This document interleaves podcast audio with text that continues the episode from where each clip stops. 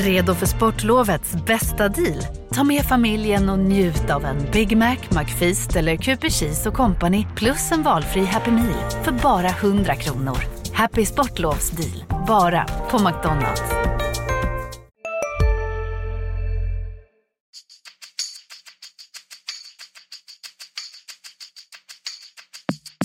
Skönt att komma ut och eh, bara lukta gräset. Så det, är, det är fotboll för mig. Nu är jag här och jag är väldigt glad att eh, kunna spela för det laget som jag har närmast om hjärtat. Om å skape tro, om å tro på det vi gjør, jobbe videre. Og vi skal bare ut der, og så skal vi levere. Og det skal vi jo. Basta. Välkomna tillbaka till MFF-podden. Det här är avsnitt nummer 216. Jag heter Fredrik Hedenskog. Jag har sällskap av Fredrik Lindstrand och Max Wiman. Hej! Hej, hej, hej. Ehm, det är inte mycket till sommar för tillfället.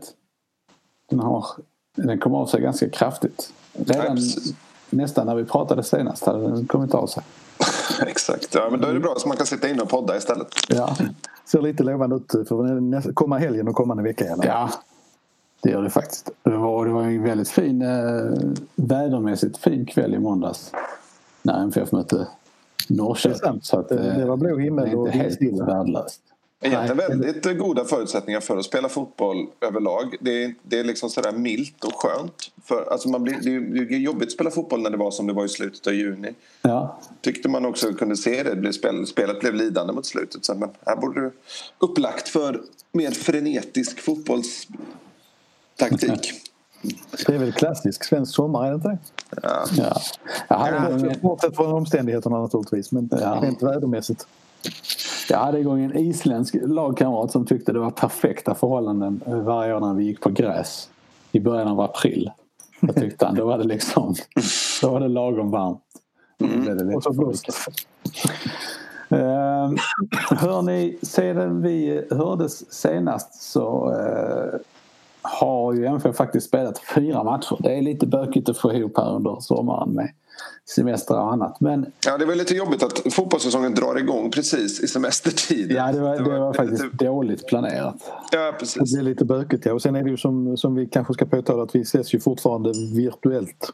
Ja, Vi, vi jobbar hemifrån. därav. Vi gör vad vi kan för att få ut den här podden. Ja. Eh, Men MFF har ju i alla fall eh, då vu- vunnit hemma mot Djurgården med 1-0. Förlorat borta mot Elfsborg med samma siffror.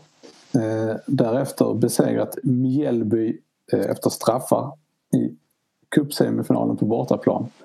Samt spelat 1-1 hemma mot Norrköping. Och ehm, det är ju eh, på något sätt enklast att, och börja, börja i slutet. Men eh, alltså finns det något, något...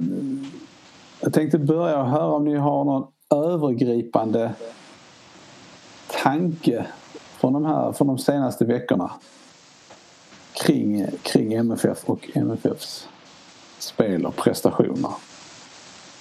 Ja, det är väl att de... Ja, förlåt. Kör du Fredrik. Nej, det, det, det, det stora är väl att man... Det, det, det är väl den spaningen som de flesta gör, tänker jag. Att det, MFF gör ju inte tillräckligt med mål. Det är ju... Sen vi pratade senast, alltså i juni, så har Malmö FF gjort två mål. Eh, och det är alltså 3 gånger 90 plus 1 gånger 120 minuters fotboll som har spelats. Jag räknar ju inte med straffarna då i straffläggningen där mot Mjällby. Det, det är ju ändå... Det, är ju, det går ju liksom att hitta förklaringar enskilt i varje match och det, det verkar ju MFF göra till väldigt stor del att man liksom... Ja, mot Djurgården var det si, mot Elfsborg var det så och eh, mot Norrköping var det på ett tredje vis. Men det är ju också ett, ett mönster om man liksom tar ett steg bakåt och, och ser på det MFF, det är ju ett, det är ett, det är ett stort problem MFF och nu, för MFF och nu håller det ju faktiskt på att kosta det kan ju faktiskt kosta ett allsvenskt guld redan under sommaren om man faktiskt inte får, det, får ordning på detta. Ja, det konstiga är ju att eh, om man tittar på de här fyra matcherna så är de, de speglar ju den här tiden. Det är ju väldigt olika prestationer. Eh, någon är okej, någon är bättre, någon är där man kämpar sig till segern uppe i Mjällby då till slut. Men samtidigt så tycker jag att, vi kommer väl att fördjupa oss i det under den här diskussionen, men det är vissa saker som upplever som att alla människor ser men som MFF på något sätt vägrar att utåt i alla fall kommentera och prata runt utan eh, man hittar bara bortförklaringar hela vägen. Och den stora är naturligtvis det här med så lite mål men också att man, inte bara det utan att man skapar så väldigt lite chanser. Alltså att man i flera par matcher har spelat väldigt bra fram till sista tredjedelen och sen så vet jag ärligt talat, jag ställer samma fråga som många andra, vad är det egentligen man vill sen? Det är mycket inlägg som inte har någon adress, det är väldigt få skott, det är få djupledslöpningar, få saker som händer inne i straffområdet. Eh, så det är ju det är en spelidé och inte spelprinciper tror jag många efterlyser. Alltså det som jag framförallt har funderat på är ju um, något som, som jag tycker syns väldigt tydligt uh, inte minst i omställningsspelet när MFF vinner boll på motståndarens planhalva vilket de ju faktiskt gör ganska ofta. Just den delen såg ju väldigt bra ut mot Norrköping. Men, men det är ju att i de här omställningarna så ser det verkligen inte ut som att spelarna vet vad de ska göra. Nej. Eh, de rinner ofta ut i sanden. Det bara stannar upp. Spelare springer på samma ytor eller springer inte alls. Jag förstår inte riktigt hur... Nej, jag vet inte. Det känns, det, den delen känns inte alls intränad. Det finns ingen, ja, det inga, liksom, som, ingen som, som tar... Det tar för lång tid. Ingen som gör... Det sitter inte i ryggmärgen någonstans. Ja, det är väl ett av mysterierna. De enda som slår de passningarna djupt det dessutom tycker jag det är ju egentligen Anders Christiansen och Anel Ahmedhodzic. Annars är det ju väldigt mycket sidled och avvaktan och eh, nu senast Fouad Bachirou som, som bara slår bort passningar helt oförklarligt.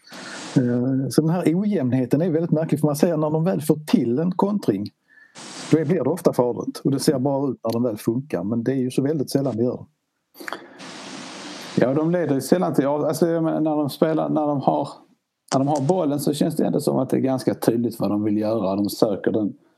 De söker eh, passning upp i mitten från, från eh, backlinjen är alternativt. I alla fall mot Norrköping en, en, eh, en boll ut på kanten från Christiansen. Men det är ju sen när de har fått upp bollen där, vilket de liksom lyckades med ganska ofta. Sen, sen är det ju liksom som att det är slut på planen.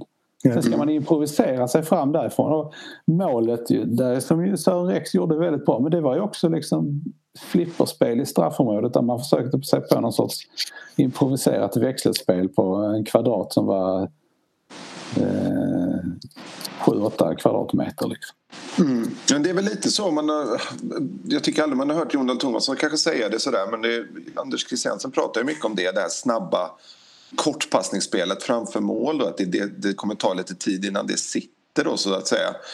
Eh, och, så det där är väl lite så som MFF, där tycker man ju ändå att de, där tar de sig till en farlig zon och där har de rätt spelare som är i den farliga zonen som är Rex och Christiansen är ju de två spelarna som funkar bäst med det spelet. De klarar ju av det medan spelare som Jo Inge Berget och Marcus Antonsson är ju inte är ju, är ju inte, deras styrkor kommer ju inte fram eh, när det ska spelas kortpassningsfotboll centralt utan de vill ju, de vill ju ha bollen på one touch i straffområdet och smälla till liksom. Alternativt löpa i djupled och få med sig bollen. Så det är inte deras typ av fotboll riktigt. Jag kan väl tillägga att jag tror att Ola Toivonen passar i det spelet också. Ja, absolut, det gör han. Och det var liksom, det, jag tyckte MFF startade ganska intressant mot, mot Norrköping. Man kände liksom att det här är väl kanske där är väl den kanske starkaste elvan då på, på flera sätt. Om, eh, kanske inte backlinjemässigt då. Eh, det är inte det optimala att ha så mycket skadade spelare där med att Lewicki får gå ner då. Eh, även om han inte gjorde bort sig på något vis. Liksom. Men det känns som att ha Toivonen strax bakom eh, Kiese liksom, det ger ju en jäkla tyngd. Men fördelen, ju fördelen med att Lewicki går ner är att det blir naturligt att man måste ha in en annan typ av mittfältare. För att ja, men det var ett av bekymren innan att han och Batshuru har trampat på varandra lite grann. Mm. Ja, men tidigare tyckte att MFF kanske varit lite statiskt i sitt eh, anfallsspel. Eller liksom, alltså, kanske inte statiskt men kanske lite lättberäknat. Så var det lite svårare att få grepp om, om dem och, och, där, och det är väl det här någonstans visar sig att man använder sig av spelprinciper snarare än formation då. Att det, det visade sig väl kanske lite mot Norrköping att eh, ja, men det kunde vara 4-4-2 ett tag och sen så kunde det liksom vara 4-3-3 ett tag och sen 4-2-3-1 ett tag. Alltså det, det, varierade ganska mycket och i början var ju också bra i framförallt i uppbyggnadsfasen då. Fram till att man ska göra det där som fotboll för Malmö FFs del dessvärre går ut på då, att göra mål. Men det som förundrar mig också det är ju den andra delen av, av det här offensiva spelet. Det är de fasta situationerna. Eh, där det, det blev väl bättre ett tag i fjol om jag minns rätt. Men i år tycker jag det känns som att man är tillbaka till någonting som, som överhuvudtaget inte fungerar. Och jag, jag, det är klart att det finns tankar bakom vad man vill göra men jag, vare sig frisparkar där det är skottlägen eller hörnor och frisparkar där det är inläggslägen eh, ger ju ens en tillstymmelse till målchans. Det är inte ens nära en målchans. Mm. Eh, och, om jag ska på något sätt illustrera det så vi pratar korta hörnor ibland. Det blir ganska märkligt när man vet att när det blir ett, ett inkastläge då vet vi att nio fall av tio så kommer Knutsson att kasta långt. Medan när de får en högerhörna så är det två gånger av fyra som Jonas Knutsen knatar över hela jävla planen bort till hörnflaggan för att slå en kort boll till Anders Christiansen. Ehm, jag förstår liksom inte riktigt logiken i det hela. Ehm, och var man vill komma. Det, det, man har faktiskt inte utdelning på någonting. Man, inkast är väl det enda man har haft utdelning på egentligen. Jag tycker, nej utdelning har det inte varit på. Jag tycker, jag får säga att de, en del av de här korta hörnvarianterna ser rätt så bra ut. Um, det är inte så att, eh, att det öses in i målen på långa hörnor heller. Nej, alltså, men det, jag, säga, jag efterlyser knappt mål, jag efterlyser i alla fall målchanser. Att det, det finns att Malmö-spelare är först på bollen men det, det nickas bort konsekvent. Och fort, fortfarande faktiskt lite grann som även tidigare blir det rätt så ofta kontringslägen för andra laget istället. Ja, det är ett större bekymmer. För ett lag, det får man ju säga. Men sen om man vänder på steken då och ska vara positiv så tycker jag väl att bakåt så har det ju sett eh, väldigt stabilt ut egentligen. Sen kan man väl säga att man kan säkert hitta enskilda misstag vid flera av målen som har fallit men, men eh, det ser ju stabilt ut och det stora utropstecknet där är väl att Jonas Knutsen tycker jag har vuxit för varje match eh, på ett sätt som inte jag trodde. Jag trodde ju mer på Safari där. Men ser ni någonting, Fredrik, har du sett något annat eh, eller någonting i spelet som har gynnat Knutsen eller är det bara liksom förtroende från tränaren som, som har fått honom att lyfta? Ytterbacksrollen i år är ju en mer renodlad klassisk ytterbacksroll. Och eh, jag tror att det passar honom bättre. Eh, han, liksom hans, eh, hans spelstil kommer nog till mer, till, mer till sin rätt där han kan löpa ganska hårt längs kanten och överlappa och sådär. Han kan väl göra det under en längre period i matcherna än vad Safari kan göra som ändå har liksom renoverat sin spelstil med åldern. Eh, tycker att Safari passade oerhört bra i, i, den, förra, i den förra spelstilen där, där han är, faktiskt också kom upp då även som mittback då, eller en av de här tre mittbackarna. Sen handlar det förstås om förtroende från tränaren, det är väl det allra, allra största såklart. Han får spela, det fick han ju knappt göra innan liksom. Och sen, sen också är det väl lite så att eh, Safari har ju inte riktigt tagit chanserna när han har, har, har, fått, har fått dem. Sen, och sen om vi pratar om backlinjen då så är det klart att vi väl alla fastnat för Anel Ahmedhodzics utveckling. Eh, som, eh, jag tycker att fortfarande han är lite äventyrlig i vissa brytningar men, men eh, inte minst hans, hans uppspel är ju fantastiska och han, han har ju vuxit jättemycket defensivt också. Det, det är en, det är en, man ser hur snabbt det kan gå för en, för en lovande spelare när, när chansen kommer om man tar den på rätt sätt. Det är intressant med Anel Ahmedhodzic. Det har ju blivit färre av de här spektakulära brytningarna. Han inledde väl eh, hemma mot Mjällby med att liksom göra någon slags Hysén på Wembley-match nästan. Eh, Men det, och det är ju inte att han inte gör det lika mycket längre. Det betyder ju snarare att han eh, har, är bättre i positionsspel, att han står mer rätt. Han behöver, behöver inte kasta sig lika mycket för han står rätt. Och, ja, det, är, det, är, kul att se en mittback som är så spelande. Liksom. Det, det hade varit häftigt att se honom ihop med, med Rasmus Bengtsson också. Det känns som att då har MFF två oerhört bra passningsfötter eh, längst bak. Eh, men det, det, det, det, var det jag skrev det efter, eh, efter Djurgårdsmatchen att jag, att jag tyckte att, det, att var är det som man får äta upp det? Eller tänkte borde jag omvärdera tiden talar för MFF då i, i och med att man att man har satt sitt, eh, sitt försvarsspel så himla bra. Alltså även uppifrån Isak Kiese som jobbar stenhårt och kan hålla uppe laget. Och det, det är så himla viktigt att ha den grunden. Eh, för det är ett problem att MFF har släppt in mycket mål på fasta såklart men det är ändå, det är ändå någonting man kan jobba med. Det, det är lättare att putsa bort det tycker jag än, än att man liksom i spelet går bort sig, till exempel AIK har gjort. Det är mycket, mycket svårare att rätta till så att säga. Eh, och det tycker jag talar för att MFF, nu kan de verkligen fokusera på offensiven men det är där någonstans som skon klämmer tycker jag. För jag, jag får liksom inte riktigt grepp om direktiven och jag tycker att eh, och dessutom så MFF tappar så i slutet. De har tappat mot Häcken och de tappade alldeles innan paus mot Elfsborg och nu igen här på slutet. Och det, de skaffar sig inte marginalerna för att vinna och jag tycker att, att att det är liksom, jag vet inte riktigt vad, vad Jon Dahl Tomasson vill åstadkomma i slutet med, med de här bytena han gör. Eller kanske snarare bytena han inte gör. För två byten hemma mot Norrköping när MFF säger att de har den bredaste truppen och, och med rätta då. Det, jag, kan, jag kan inte riktigt köpa det.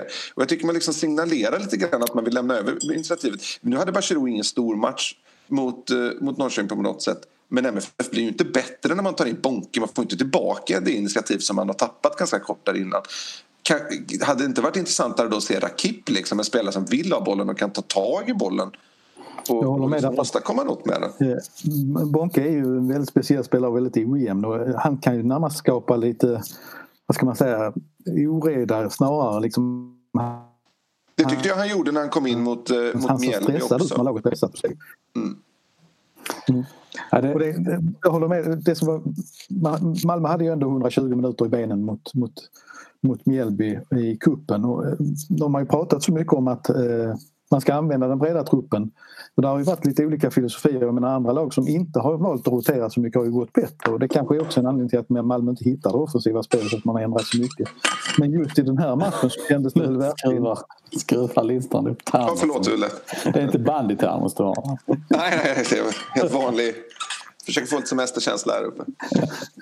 Nej, nu, nu eh, blev det på något sätt omvänt eh, i den här matchen mot eh, mot Norrköping där man ändå var så tydligt att man tappade initiativet. Att man inte gjorde trippelbyte med en kvart kvar och skickade in en massa nya friska ben. De kunde springa. Ehm, så att eh, förlåt, den matchningen kändes, kändes lite märklig. Det gjorde den faktiskt. Mm. Ja, men för det, det, och det är något som jag återkommit till också det här med att man inte skaffar sig marginalerna som behövs. Visst, alltså här, man kan säga att Alltså, det blir ju liksom, det känns som att historieskrivningen blir lite så här, ja, vi gjorde allting rätt men slappnade av lite på slutet. Men man kan, man kan inte riktigt säga så. Jag tycker det, det, det är lite... om, om, om, analysen inte sträcker sig mer än så då kommer MFF fortsätta att tappa poäng på slutet. Eh, Alltså man måste ju... också titta, det handlar, jag tycker det handlar om vilket mindset man har när, när man leder med 1-0 och matchen tickar in sista halvlek. Jag, jag tycker MFF inte har utstrålat Eh, tillräckligt med hunger. Det, det, liksom, det, det kommer ju framför allt från, från bänken det här att man, vi ska fortsätta ösa på framåt. Vi ska göra 2-0 i den 60 minuten eh, och 3-0 i den 70 minuten för att vi ska döda den här matchen. Och man kan jämföra då med Norrköping som, om man tittar på deras match, för det blev ofta att det, här, det var bara MFF på plan. Det liksom, alltså, matchanalysen handlar enbart om, om vad MFF gjorde och inte gjorde. Det var, det var där matchen det var liksom upp till MFF hur den här matchen skulle sluta. Men det, det fanns ju ett annat lag också på plan som tog sig an den här matchen så som man verkligen inte brukar och hamna alldeles för lågt ner i plan och har blivit till stora delar utspelade av MFF för första halvlek. Men sen så förändrar ju Norrköping matchen med byten och med ett annat med ett annat tänk. Och sen tar man ju faktiskt över för att man vill gå framåt. Och det är ju anmärkningsvärt att MFF inte gör det på sin hemmaplan med byten. Eh, alltså, Norrkö Jens Gustafsson förändrar ju den här matchen till Norrköpings fördel. Det, där, där, och det har ju MFFs tränare också chans att göra. Man pratar ju om att man ska... Det har ju pratats om hela våren här, hur, hur man ska liksom spela den här anfallsfotbollen och man ska vara hungrig och så vidare. Men jag ser ju inte den hungern i MFFs sista halvtimme mot Norrköping. Nej, och det, det, som, man eftersom det inte är någon publik på matcherna nu så man sitter så man hör väldigt mycket så var det väldigt tydligt att någonstans där i 65 minuten så Jens Gustafsson skriker alltid mycket men han ändrade tonlaget timläget och han flyttade upp laget så man hörde det. Eh, och han drev på på ett sätt som var väldigt tydligt, alltså just som det Fredrik är inne på, att, att förändra matchbilden. Att man väldigt medvetet eh, la i en växel till. Det kändes mm. verkligen så. Schlagercoachning, att man går upp en oktav i slutet av i slutet, sista refrängen. Men jag, jag, jag skrev ju efter den matchen då eh, och jag kan inte låta bli att reflektera om det är nu man verkligen ser att Markus Rosenberg saknas väldigt mycket. För det finns, alltså Anders Christiansen i all ära, eh, men han är inte samma ledartyp. Han är inte den som i det läget tar två frisparkar och markerar. Ja det gör han, för han åker på en del men Rosenberg kunde göra det så väldigt tydligt liksom att nej nu är det stopp, nu skärper vi, nu lyfter vi upp det här. Eh, jag, Christiansen är ju den som är närmast att vara den ledaren men han, han är ju inte riktigt där. Det är han inte. Nej. Men det är ju... ingen av de andra som tar den. Skulle kunna tänka mig att Toivonen kan ta den på sikt kanske. Ja för det är ju lite så också, man ska ju inte... Eh, om man, om man vill göra den sortens markeringar så är det ju bra om man kan göra det högt upp i banan. Ja. Man ska inte göra det utanför eget straffområde. Nej, Nej, och det måste vara det här jag tänkte det är inte att man ska söka frisparkar utan det är hela ens kroppsspråk.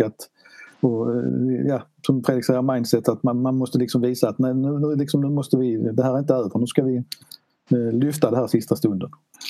Ja, för det är ganska långa perioder det handlar om. det. Som du sa Fredrik, att om man nu tycker att ja, vi slappnar av lite i slutet då, då, då har man ju inte heller... Dels så gör man det lätt för sig men det är ju inte heller hela sanningen.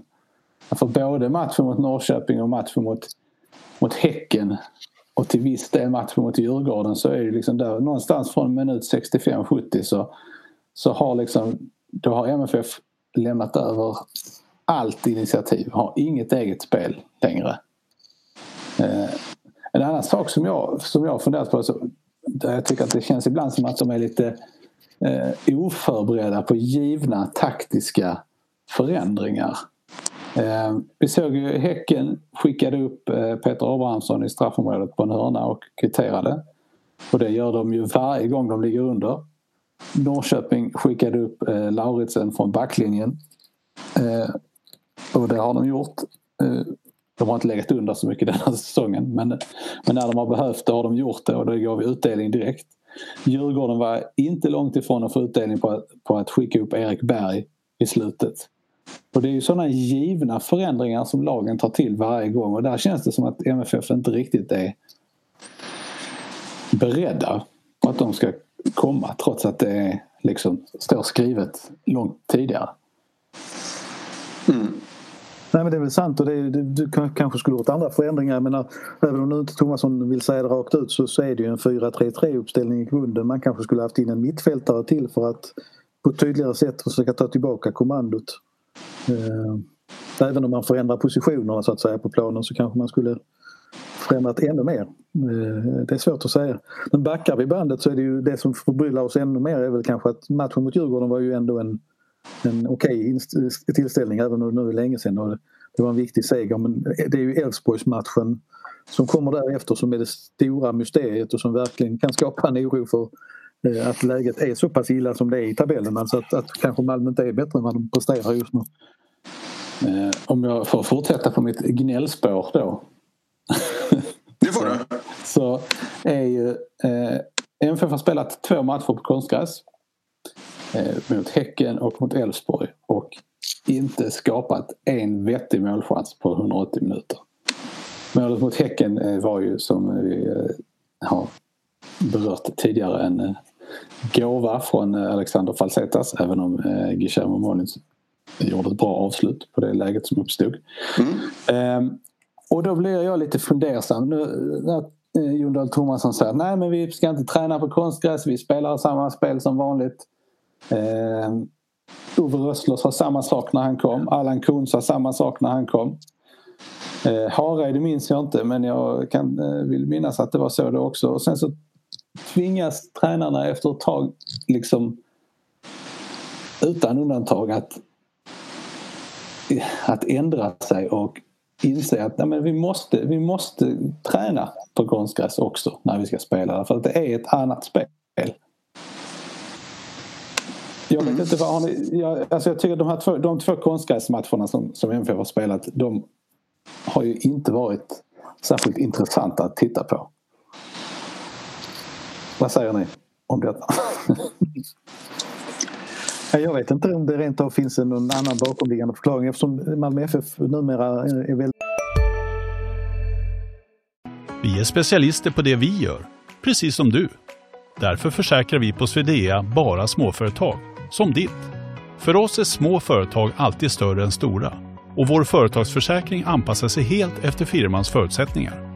Gå in på swedea.se företag och jämför själv. Hej, Synoptik här. Hos oss får du hjälp med att ta hand om din ögonhälsa. Med vår synundersökning kan vi upptäcka både synförändringar och tecken på vanliga ögonsjukdomar. Boka tid på synoptik.se. tystlåtet av sig mer än tidigare. Eh, så kan ju en möjlighet vara så här att eh, man vill vara väldigt hemliga och eh, det är svårt att komma åt tider kanske på Malmö idrottsplats eftersom Rosengård har en stor verksamhet. Och att man inte vill träna öppet på konstgräset borta vid stadion även om det är ganska nytt. Man hänvisar ju till coronakrisen och säkerhetsskäl att träningarna är stängda. Men jag tror ju att det finns mer bakom att, att man vill synas så lite som möjligt. Så här, smittorisken är ju inte våldsamt stor om det står fem stycken journalister på behörigt avstånd utspridda längs med en långsida.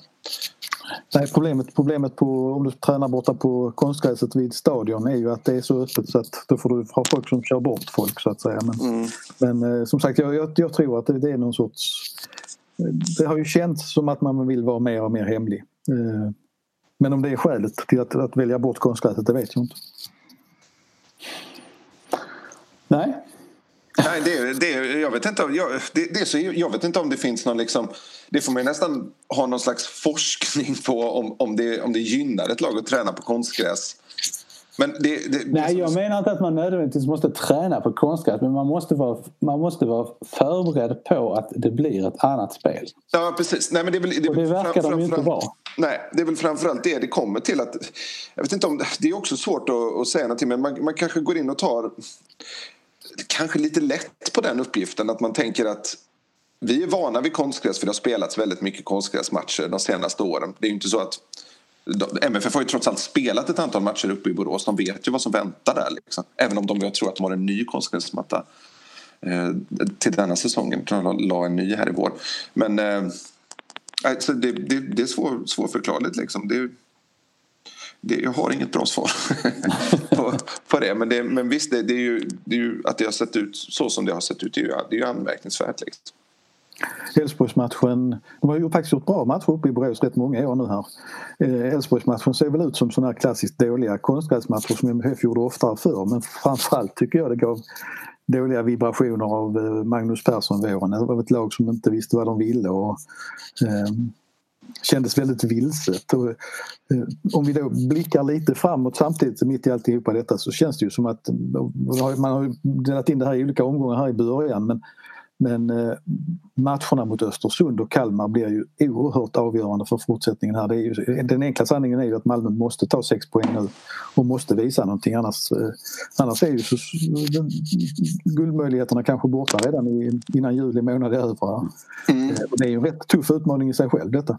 Och då är det konstgräs uppe i Östersund och sen är det ju hemmamatch mot Kalmar ska vi säga. Precis. Jag tittade på det. Malmö FF har 10 poäng då på sju matcher. Det är 1,43 poäng i snitt per match.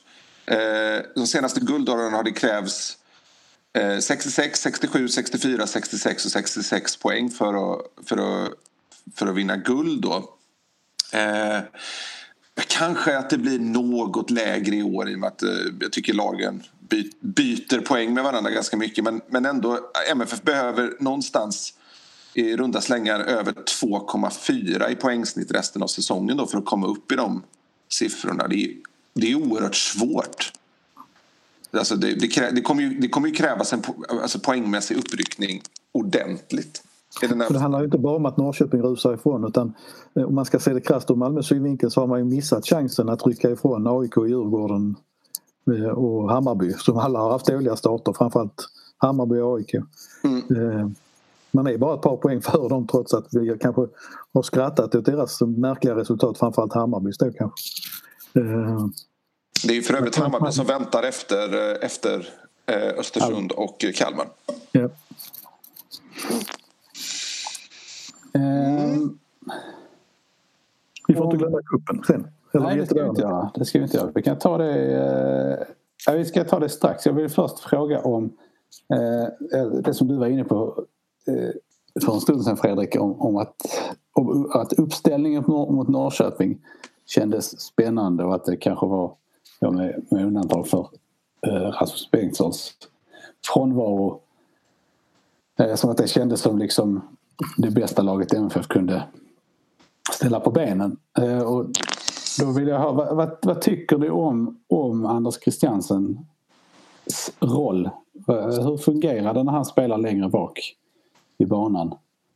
Vilka fördelar och nackdelar har det? Fördelen är väl att man får ett offensivt tänk som börjar längre ner i plan kan man väl säga.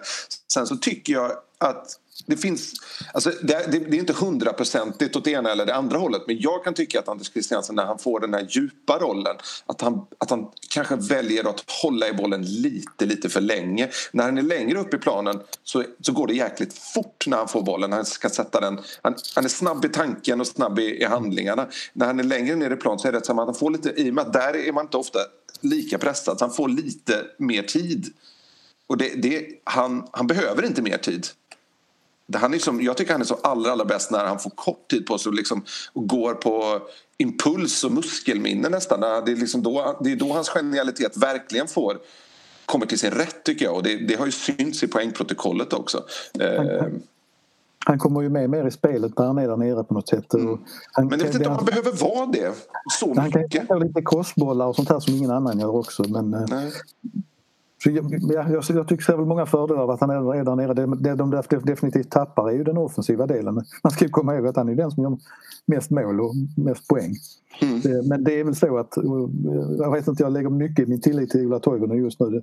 Det är väl så att det är naturligt att han finns i den rollen framöver. Hittar han formen riktigt så tror jag att AC kommer att vara kvar där bak. Ja, det känns väl också som att han eftersom han inte har spelat där så himla mycket så det, tiden skulle väl tala för den lösningen också. Han vill ju helst spela längre bak i banan. Att han hittar, den, hittar bättre i den rollen. Um, för det är ju, det, det, känns ju som... Alltså...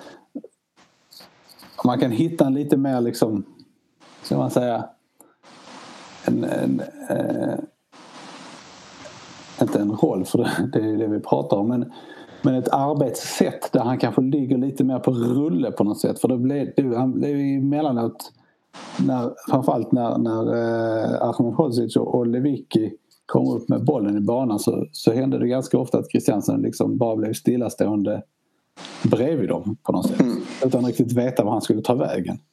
Ja men precis, för de, är, de sätter ju igång anfallen. Med, Ahmedhodzic ska ju våga slå de där passningarna. Då blir det ju nästan som att Anders Christiansen blir en andra vågspelare. Antingen då, till exempel Ahmedhodzic passning skulle fastna någonstans på vägen. Då är det Christiansens jobb att liksom vinna tillbaka den bollen. Man kan liksom, ja, man kan få honom, han kan, han kan bli lite för defensiv för sitt eget bästa tycker jag. Um. Nu vill du prata om kuppen Max. Jag känner att vi kan väl inte tappa bort dem på vägen. det blir all...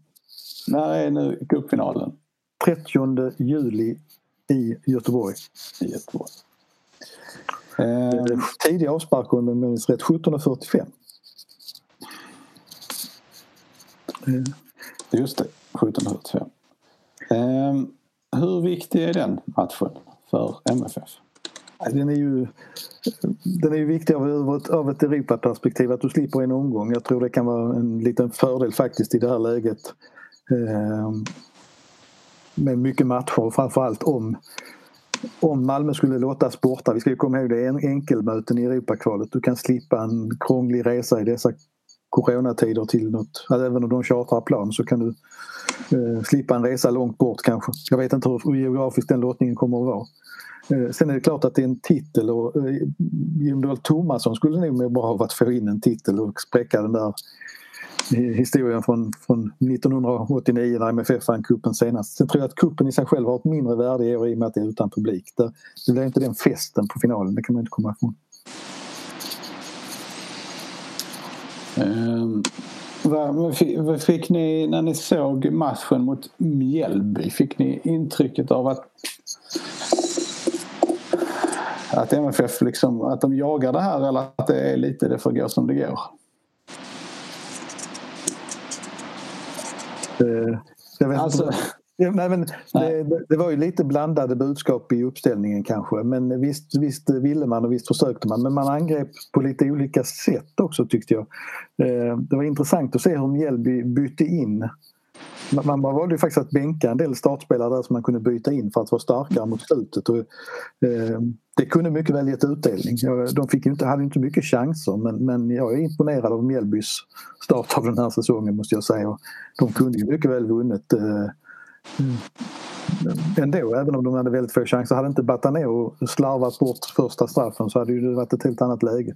Mm. Jag tycker, vad, ro, vad roligt att det blev liksom någon slags sägning att MFF eh, har tränat på straffar en del efter träningarna så nu är de, nu är de bra på det. Liksom. Och det visade sig eh, det visade sig mot Mjällby. Man får ju faktiskt inte glömma av att den strafflinjen MFF satte alltså en, två tredjedelar av sina straffar. Det är inte ett jättebra facit fortfarande. Nej, nej. De, de missade ändå två av, fem, äh, två av sex straffar här på slutet av matchen. Man räknar med Kistelins där innan. Det är, det är fortfarande ett lite för klent facit. Det var ju en intressant avslutning där när Kiese liksom sänker sitt eget facit till två satta och fyra här på, under sommaren. Mm. Det var en väldigt bra räddning av målvakten tyckte jag men, men eh, det faktum kvarstår ändå liksom att han bränner ytterligare en straff. Och det, sen tycker jag det tilltar ett, ett, vad ska man säga, ett spel där, där eh, eh Jon Dahl Tomasson både visade mod och dumdristighet. Det var väldigt märkligt. Det var ju väldigt klokt att han plockade bort Thelin ur straffläggarskaran. Eh, jag tyckte det var eh, modigt och smart att skicka fram Anel Eh, I och med att han satte sin straff så distinkt som han gjorde så kommer han bara må bra av det här framöver. Eh, och eh, jag satt själv och plitade ner Knudsens namn rätt tidigt. För det kändes också väldigt bra för han, han verkar rätt så tuff i de där situationerna. Han har tyngd i sina skott. Men kan någon förklara för mig? För det verkar väl ingen som kan förstå hur man kan skydda en straff. Alltså, fastnade du där men jag antar att du, ditt ljud försvann Max. Men jag antar att du pratar om Bachirou. Om någon kan förklara varför han skickas fram. Det, det, det är för mig en fullständig gåta vad som än har hänt på träning. Eh, killen kan ju inte skjuta. Och det, det är liksom inget illa ment men han, han är, för att vara professionell spelare så kan han ju inte skjuta. han, han gjorde ett, inte... Eh, han satte ju ett jäkla volleymål när han mötte MFF med Östersund när de vann. ja. Var det 2016? Enda målet i hans karriär. 2016 eller något i den stilen. Eh, jag tror att det handlar, jag, straff, jag tror inte det handlar så mycket om straffar om Alltså, det handlar ju om att man rullar en bredsida i mål egentligen. Det behöver inte vara... Eh, det som, han har inte det mest distinkta skottet men det är inte riktigt det som krävs alla gånger på straffläggning. Jag tror att, jag, jag, tror att det var att han är mentalt stark som var, som var anledningen till att han slog en straff. Sen så handlar det också om hur, hur pigg, hur fräsch känner man sig i benen och sådär. Men det, jag tror framförallt det har att göra med att han räds inte de stora uppgifterna. Han har ofta varit som bäst i de stora matcherna. Eh, och... Eh, jag tror att det handlar om det, att han fick slå en straff helt enkelt. Kanske han ville. Kan man fråga hur det står till med hans mentala tillstånd efter det här? Alltså, han har ju äh, våren fram till, äh, fram till den här straffen kan man inte påstå var hans, har varit hans bästa period i Malmö FF. Eh, och insatsen mot Norrköping var ju eh, hans, skulle jag vilja säga, hans klart sämsta match. Sen han kom hit. Ja, den var inte vass. Det var den verkligen inte. Man vet ju inte... Då frågar man ju sig vad, liksom, vad den... Om den straffmissen trots allt eh, betyder någonting för honom. Jag vet fan, i och med att MFF ändå vann straffläggningen så tror jag inte det är någonting som, som han gräver ner sig så mycket för. Han känns ju, som, jag tycker han känns ju fortfarande mentalt stark och så men det, det, det, är alltid det är svårt att ge sig in på och analysera sånt. Vad, vad beror det på? Är det liksom för vissa spelare blir ju, trots att de är tillhör de bästa, kanske liksom ja, han kanske var mogen att lämna MFF i vintras och gå vidare till ett nytt äventyr. Det kan, alltså, nu säger jag inte att det är så i det här fallet men, men det kan ju vara sådana saker som spelar in. Det är, det är, väldigt, det är, så, det är så personligt liksom vad som gör det. För att jag tror, det har inte att göra med att han är dåligt tränad eller, något sånt där, eller blivit en för gammal eller tappat tempo. Och så där. Och hans roll på planen har inte förändrats han, han, han, är väl en av de spelare som ändå har ganska mycket samma eh, direktiv från förra året egentligen. Så jag, det, jag vet faktiskt inte, det är jättesvårt att säga liksom. Det är nästan, det är nästan han själv som får svara för det. Jag tror, jag tror, det är svårt att analysera sådana bitar. Det, jag, jag, kan inte hitta något sånt där spel, att han har fått en sån ny roll som är svår för honom att hantera. Eller något sånt där. Det, det tror jag inte. Eh, I övrigt så, så cupmatchen mot, mot Mjällby, där var det ju alltså om MFFs problem i, i, i ett antal matcher har varit att komma till vettiga avslut så var inte det riktigt fallet i Mjällby. Där var det ju snarare avsluten som var problemet. Mm. Eh, bra målvaktsspel visserligen men, men eh, en eller två av alla de eh, riktigt bra lägen som MFF hade måste ju gå i mål. Mm. Ja, Ja, men det, det, är ju, vad ska man säga, det är ju att det finns ju det är också sånt som är väldigt svårt att analysera. Sitter det i huvudet? Jag menar, Antonsson får ett inspel av Erik Larsson tror jag på den, om det är den första eller andra förlängningshalvleken där. Det är ett bedrövligt avslut i det läget. Det ska vara en touch i mål bara. Det är ju, det är ju liksom en underkänd insats liksom, av, av honom, att han inte gör mål. Jag vet inte om du minns vilken situation jag Nej, det är det han är, när han är väldigt nära mål. Ja, han ska egentligen bara styra in den i mål. Ja. Och det är liksom... Ja, det... Ja, ja och Thelin, Thelin har ju en där i första halvlek när det nästan är öppet mål. Eller målvakten är i alla fall överspelad och så träffar han inte riktigt bollen. Och sen den bästa chansen då som är straffen. Eh, ja. det, är, det är svårt att... Det är svårt att säga liksom. Eh, ja, det, måste vara frustrerande också när man väl kommer till avsluten så sätter man inte dem. För problemet tidigare har ju varit att man liksom inte riktigt skapar de heta chanserna. Eh, och det, problemet är ju lite grann... Eh, eh vad var det jag skulle säga? Tappade jag tråden? Problemet är... Jag vet inte. Eh, har det med målchans, missade målchanser att göra möjligt? Ja, men problemet är att, att tiden, Problemet är att tiden tickar iväg så fort nu här. Alltså det spelas matcher i rask takt. Mm. Eh, liksom det, det, är inte mycket att vinka på va? utan eh, tåget kör iväg här rätt så snabbt. Ja, det är ju ofta så med såna här, de här perioderna. Det var ju, man ska inte dra för stora paralleller till 2018 då våren där med Magnus Persson. Men, eh, då, då, var det också ett ganska intensivt matchande under den perioden. Och det blir liksom som att MFF kunde aldrig verkligen felanalysera eller prata igenom vad det var som gjorde att det inte stämde. Liksom, utan det bara fortsatte hela tiden. Och de fick aldrig något break. Liksom. Det blir, som sagt, dels så skapar man inte chanser. Och när man väl gör det så missar man chanserna. Det blir, liksom, man, det blir som att och så, så, sprids det en dålig känsla. Liksom. När, när en anfallare kommer i ett sånt läge så vet han inte, då har han inte självförtroende nog att bara dra till. Liksom. Och det sprids liksom och det blir en negativ spiral av det där och så fortsätter det och man, man, man, liksom, man tappar den här viktiga känslan. Liksom. Uh, ska vi se här. Jag funderar på... Um, nu har vi det är onsdag förmiddag när vi sitter och pratar. MFF spelar alltså eh, i Östersund på torsdag kväll och sen eh, hemma mot Kalmar på söndag och hemma mot Hammarby kommande torsdag. Eh, Max, du sa att det krävdes sex poäng på de här på de två kommande. Jag skulle säga att det krävs nio poäng på de här tre. Om det är så att de vill hänga med. Mm. Ja, men, för, för, för det, men det är på något sätt att eftersom Östersund och Kalmar är sådana lag som vill du vinna guld så måste du vinna de här matcherna nu. Eh, så det tar de först så att säga. Precis. Och tittar man på Norrköping så har ju de Örebro, Sirius, Varberg, Falkenberg, Mjällby sina kommande matcher. Eh, så ja, Å andra sidan så känns det som att, som du sa innan, det betyder mindre än no någonsin i årets allsvenska. Nej, precis. De, man på det. de möter ju tre lag i topp fem. Ja, sant, sant. Förvisso. Ja, jag kom på det när jag sa det, att det var, ju- det var ju topplag allihopa. Här. Men, nej, men det, så att det, det, är liksom, det är inte så jättemycket som talar för att Norrköping helt plötsligt ska bara tappa massa. De har ju Mjällby hemma också till exempel. Det är ju en helt annan sak än att åka till Strömvall.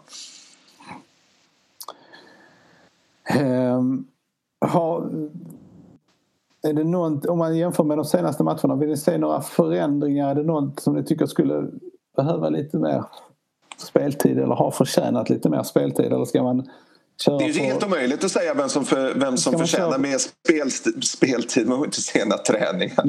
Det går ju inte att säga det. Men man har ska man köra på Norrköpingsspåret och inte rotera så mycket?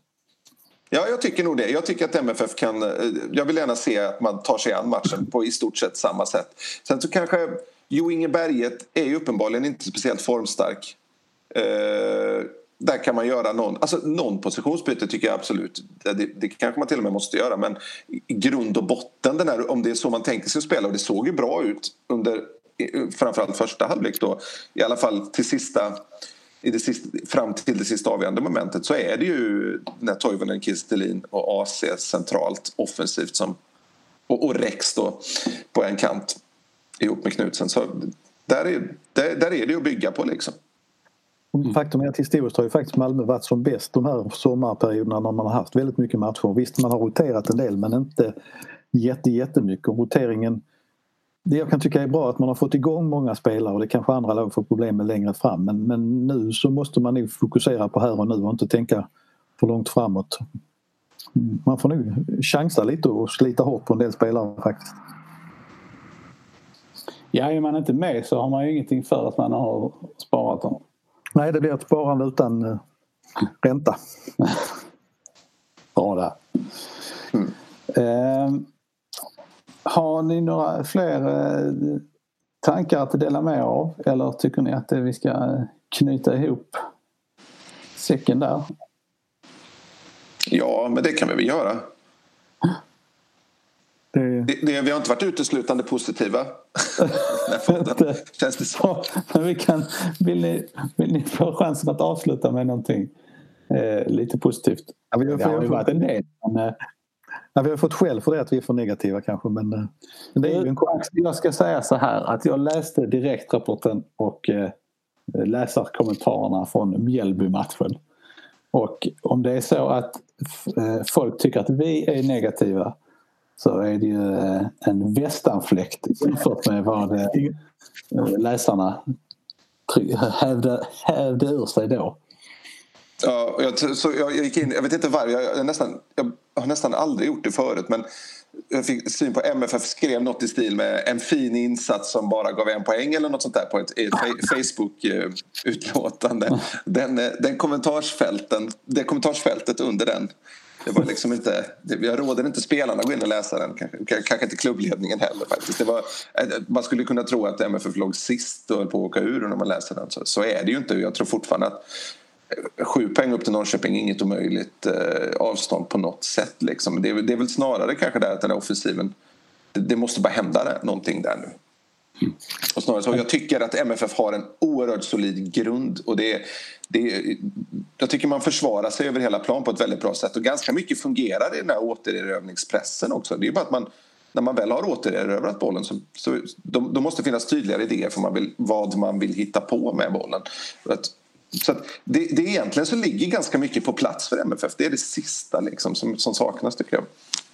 Det är intressant det här med supportrarna för att om man lägger samman allting de sa, jag har sagt i kommentarer hos oss och andra så är allting värdelöst och alla ska avgå. För de har så väldigt olika åsikter om vad det är som är problemet. Men det som kommer igen det är ju det här med eh, lite mål på fasta situationer och varför händer ingenting runt straffområdet.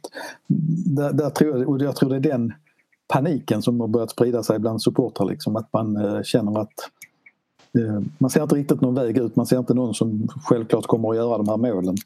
Eh, så att det finns en oro ute bland supportrarna också, det är ingen tvekan om det.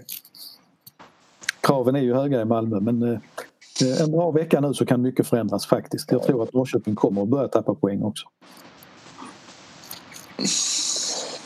Vi eh, återkommer vad det lider. Vi ska försöka se till så att det inte dröjer riktigt lika länge till nästa avsnitt.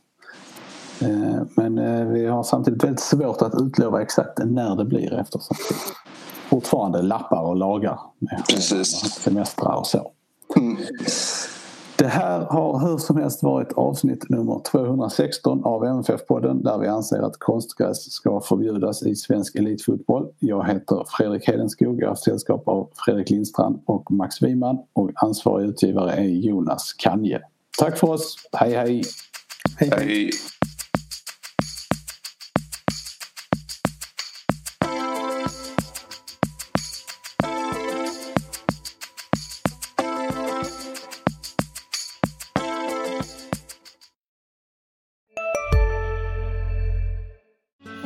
Susanne Axel här. När du gör som jag och listar dig på en av Krys vårdcentraler får du en fast läkarkontakt som kan din sjukdomshistoria. Du får träffa erfarna specialister, tillgång till lättakuten och så kan du chatta med vårdpersonalen. Så gör ditt viktigaste val idag, lista dig hos Kry. En nyhet. Nu kan du teckna livförsäkring hos Trygg-Hansa. Den ger dina nära ersättning som kan användas på det sätt som hjälper bäst. En försäkring för dig och till de som älskar dig. Läs mer och teckna på trygghansa.se. Trygg Hansa. Trygghet för livet.